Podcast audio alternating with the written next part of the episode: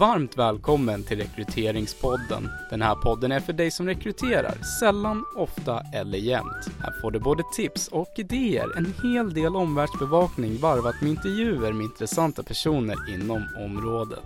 Allt för mer rättvisa och träffsäkra rekryteringar.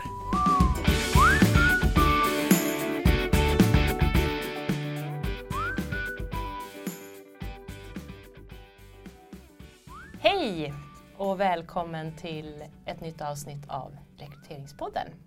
Ja. Här sitter Anki Stabefelt. ja, och Josefin Malmer. och nu sa vi varandras namn här Ja, för omväxlings skull. för förvirringens skull. Ja. Ja. Eh, idag så ska vi prata om eh, någonting som vi tycker är väldigt spännande Mm. och som eh, ja, det händer väldigt mycket där ute just nu. Och det handlar just då om att rekrytera utan CV. Yes. Eh, och eh, det vänder sig till dig som kanske funderar över hur ska du utveckla din rekrytering framåt. Mm. Eh, du kanske jobbar fortfarande med CV och personligt brev. Som de flesta gör. Ja. Då behöver du inte känna dig ensam. Utan Nej, det är väl det ska standard. Mm. Helt klart fortsatt. Även om vi för något år sedan sa CVt är dött 2018. Så är det ju inte riktigt så. Det är inte riktigt så. Nej. Det finns Men kvar. Det om något- lever. om något år så är Ja, dött. Eh, Men hur som helst så tänker vi att eh, nu ska vi behandla det här är spännande ämnet och prata om ja men varför ska man tänka de här banorna? Mm. Eh, och vad gör man då istället? Om man nu tar bort CVt ur sin rekryteringsprocess. Yes. Bra. Mm.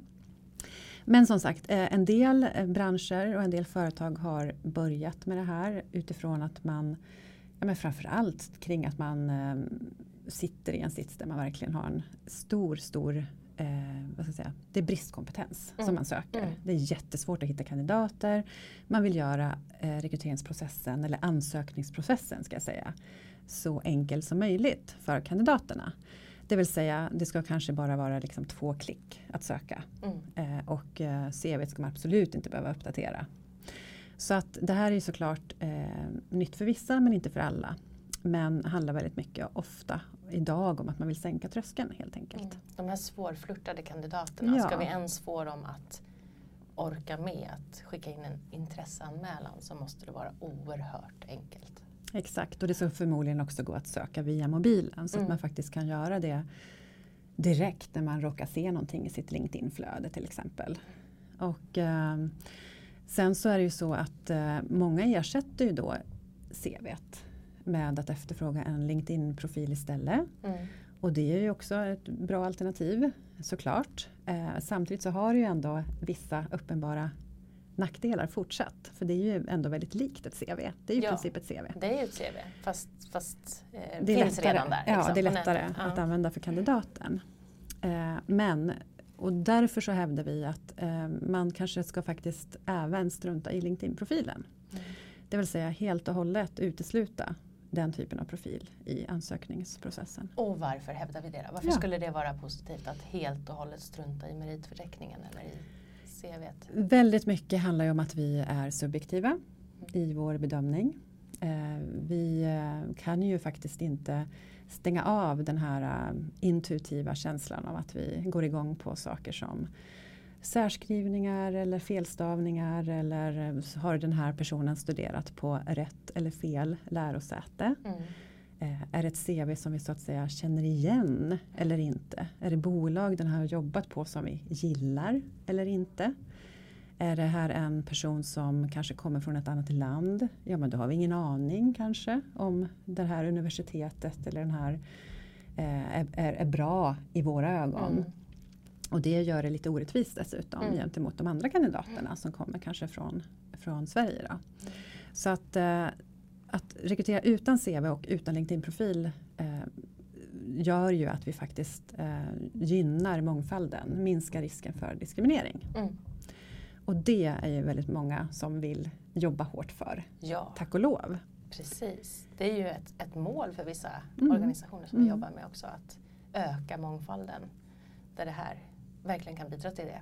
Precis. Och då kan man ju börja fundera då, okej, okej, om vi då tar bort eh, det här, eh, vad ska vi göra istället? Precis. Vad finns det för alternativ? Mm. Om vi nu struntar i de här grejerna, vad ska vi göra? Och då måste man väl återigen, som vi tjatar om känns det som, men då måste man ju återigen gå till kravprofilsarbetet.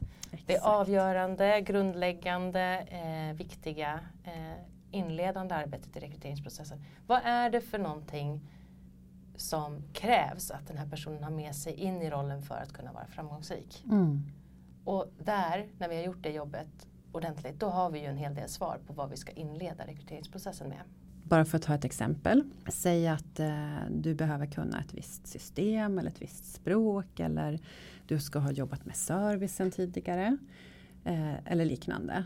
Ja, men då är det ju Alltså om man ska gå in på metoder. Mm. Så någonting som egentligen finns tillgängligt för de allra, allra flesta idag. Det är ju urvalsfrågor. Yes. Så det är ju ett enkelt sätt att faktiskt börja jobba med att testa det här faktiskt. Testa det i en rekrytering. Mm. Använd rekryteringssystemets urvalsfrågor. Och tänk då, titta då på kravprofilen. Kolla vilka krav du har. Och sen så skapar du frågor utifrån de kraven. Istället för att du faktiskt ska sitta och leta efter det här i kandidaternas CV. Och det gör ju förhoppningsvis också, eller sannolikt, att du sparar ganska mycket tid dessutom. Precis, det är inte bara kandidaterna som sparar tid på att Nej. slippa uppdatera sin CV utan du som sitter och går igenom det här, du hittar ju det du söker på ett ställe. Du ja. vet vart du kan hitta svaret på om den här personen har jobbat med service exempelvis. Precis. Och du kan också faktiskt Alltså jag tror att många som har använt urvalsfrågor har gjort det i någon typ av så här ja nej eh, variant. Exakt. Har du jobbat med service? Mm. Ja. Mm. Kan du Excel? Ja. Mm. Är du över 18 år? Ja. Mm. Har du körkort? Nej. Precis. Och så vidare. Men, men det här går ju att använda på ett annat sätt. Mm. Där du ger kandidaterna lika stort utrymme att beskriva hur de har gjort det här. Precis. Och det eh, ger vi verkligen som ett, liksom, en varm rekommendation. att eh, Ska ni använda den möjligheten så säkerställ då att alla får samma förutsättningar. Så att inte en skriver en A4-sida och en annan skriver en mening. Utan att man kanske säger max 100 ord eller liknande. Eh, och sen så är frågan också väldigt specifik. Mm.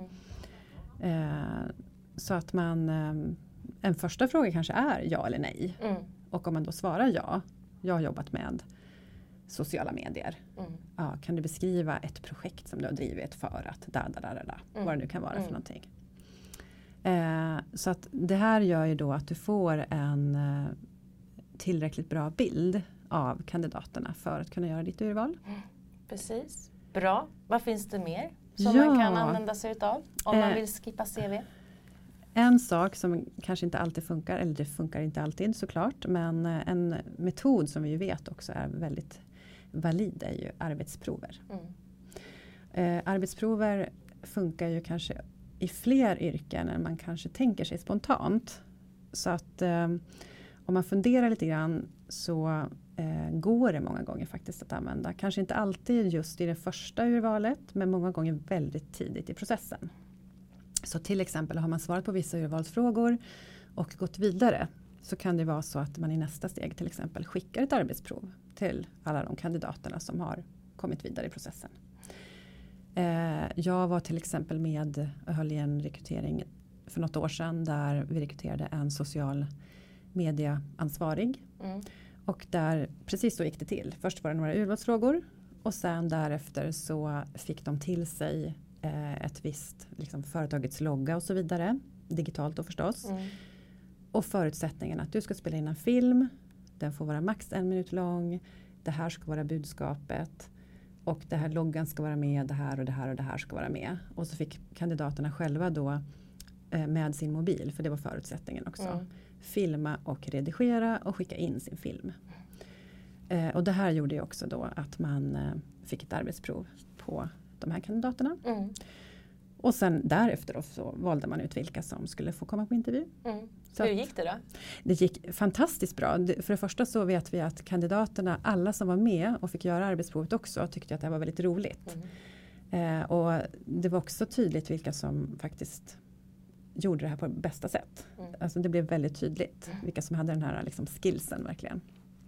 Eh, och, eh, och sen var det här nu tre år sedan tror jag så att det var fortfarande det ansågs som en ganska, alltså det var ganska nytt. Mm. Eh, så att de som sökte tyckte att det här var fantastiskt bra. Det kändes rättvist och allt det här. Mm. Så kandidatupplevelsen blev bra Mm. också. Förutom att det var en bra urvalsmetod. Mm. Kul, jätteroligt. Men du, om personlighet är viktigast då? För nu har vi varit inne mycket på det här att man kanske ska ha viss erfarenhet eller Mm. vissa ehm, kunskaper eller så. Skills, Skills, precis. Ja. Nej, men, och, då, och, då, och det är ju inte ovanligt tänker jag. Det är ju faktiskt väldigt vanligt att man när man sitter där och eh, har fått in ett antal sökande eh, vill veta vilka är personerna bakom dessa ansökningshandlingar. Mm. Har de det som krävs för att ge god service eller hantera den stressen som är här hos oss eller kommunicera eller samarbeta med andra och sådär. Och då, då är tester ett bra alternativ. Mm. Eh, screeningtester. Mm. Screeningtester. Tester som används eh, på ett större antal kandidater för att ta reda på vilka har mest sannolikt de bästa förutsättningarna att agera så som vi vill att man ska göra den här rollen. Mm. Och då kan man ju tänka sig att man börjar på samma sätt. Mm. Att det kanske finns vissa Skallkrav. skallkrav. Ja. Och eh, går man vidare från dem så får man i nästa steg då i samma, eh, ja, vid samma tidpunkt egentligen Mm. genomföra det här testet. Då. Exakt. Eh, och där har ju du då som rekryterare ett bra underlag för att sen kunna se Ja. vilka bör eh, vi ta in på intervju. Mm. Ett underlag som är objektivt och som är träffsäkert och som är schysst att använda som motivering för att det är just objektivt och rättvist och träffsäkert gentemot kandidaterna också. Mm. Så att du kan känna att du har ditt på det torra också när du väljer vilka du tar framåt. För annars kan det ju vara, nu kanske jag överdriver, men det kan vara nästan lite ångestladdat att veta vilka man ska ta vidare. Mm. För man vet att det känns inte, alltså det är inte helt hundra att sitta och bedöma det utifrån hur någon har skrivit Mm. i text att han eller hon är. Det, är inte, det känns helt enkelt inte bra i magen Nej. för det är inte bra. Nej. Det här är så mycket bättre. Mm. Mm. Och dessutom eh, om vi då tänker oss precis som vi säger att ja, men här har vi ju liksom ingen CV involverad eller någonting. Eh, det som man också behöver tänka på eh, när man sätter upp den här typen av process oavsett om det är bara med urvalsfrågor eller om man har screeningtester eller vilka möjligheter man än har. Det är också att kolla för säkerhets skull hur ert rekryteringssystem, eh, alltså vilka frågor rekryteringssystemet ställer. Mm. Det kan vara en inställning som gjordes för något år sedan och sen har man liksom inte uppdaterat det där. Eh, och eh, så efterfrågar man både ålder och kön och sånt som man då inte vill Mm. ha information om. Mm. Eh, den sista som vi kan prata om lite kort det är ju också att det är väldigt många nu som har börjat jobba med ehm, eh, video. Så Mm. att istället för att svara på, alltså det blir en slags urvalsfrågor men du pratar, alltså du spelar in dina svar. Och eh, så skickas det här in då som en ansökan kan man säga. Mm. Eh, och det här har ju använts av McDonalds till exempel vet vi. Just det. De hade ju till och med sådana här Boxar. lådor höll jag på att säga. Ja, Men boxar ja. kanske man säger. Inne på restaurangerna. Ja. Och eh, det tyckte jag var väldigt fiffigt eftersom att här hade de ju också sannolikt sin målgrupp. Mm. Eh, Det var sannolikt alltså volymrekryteringar. Man behövde få in mycket till sommaren tror jag att det var om jag minns Mm, rätt. Eh, Och eh, då kunde man enkelt eh, gå in då när man ändå var på restaurangen. Mm. Hoppa in i en sån där ljudisolerad box. Där låg det en padda. Du kunde spela in dina svar direkt och så var ansökan inskickad. Mm. Och ingen CV eller någonting. Nej. Och det här är ju som sagt någonting som kommer mer och mer. Och eh, som alltid så behöver man betänka vilket alternativ har vi till Exakt. videointervjuer. Mm. Eh, många gånger så är det ju för att ersätta just ett CV eller en, en meritförteckning eller Mm. ett personligt brev Mm. kanske. Och, så att man bara är medveten om att det här är ju ett, ett bra alternativ. Det är kanske inte fullt ut 100% träffsäkert Exakt. men, men det är bättre än det alternativet vi har. Och att man såklart håller i sig när man tittar på de här sakerna. Vad är det vi är Ja. ute efter? Precis. Så man inte bedömer saker som, vad vet jag, eh, går igenom rutan eller liksom eh, charm eller om det inte är sådana saker som det ställs krav på. Vilket Exakt. antagligen inte gjorde så jättemycket för eh, McDonalds Nej, men rekryteringen. precis. Det gäller ju att man verkligen eh, hela tiden eh, tänker på vad det är vi bedömer. Mm. Oavsett metod förstås. Då. Mm. Det finns ju fällor lite överallt. Ja, Vad vi än väljer. ja, så är det. Rekrytering är svårt. eh, men roligt. Ja. Eh, men där var vi kanske klara. Ja. Eller? Ska vi lämna de här spännande framtida AI och Vi kanske kan nämna bara lite kort. ja, Det är ändå liksom något- gamification-lösningar och sådana saker. För det är ju också alternativ till, till att be om CV. Mm. Precis. Och det ser man ju exempel på faktiskt eh, som finns redan idag. Eh, företag i, ja men inte minst i, i USA och i England och så som har infört eh, AI egentligen. Mm. Eh, artificiell intelligens i sina rekryteringsprocesser.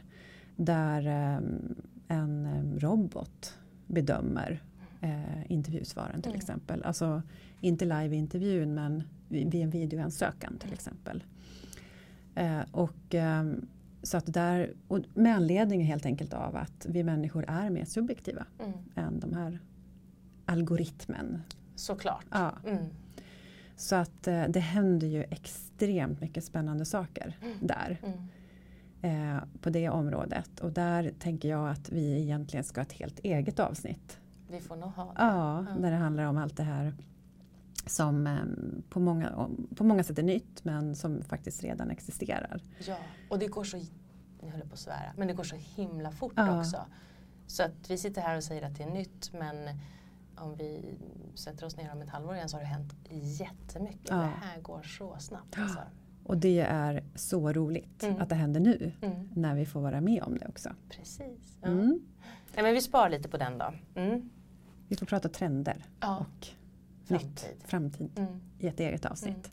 Och är det så att någon av er som lyssnar nu känner att det här var ju sjukt spännande. Eh, det här vill vi prata mer om. Så, så ska ni veta att ni kan alltid höra av er till oss också. Vi jobbar på Såklart. Home of Recruitment. Anki och Josefin heter vi och det går jättebra att kontakta oss. Ja, toppen. Men hörru, då får vi tacka alla för idag tror jag. Hörru, det får vi göra. Ja. Bra. Tack för idag. Tack, hej då.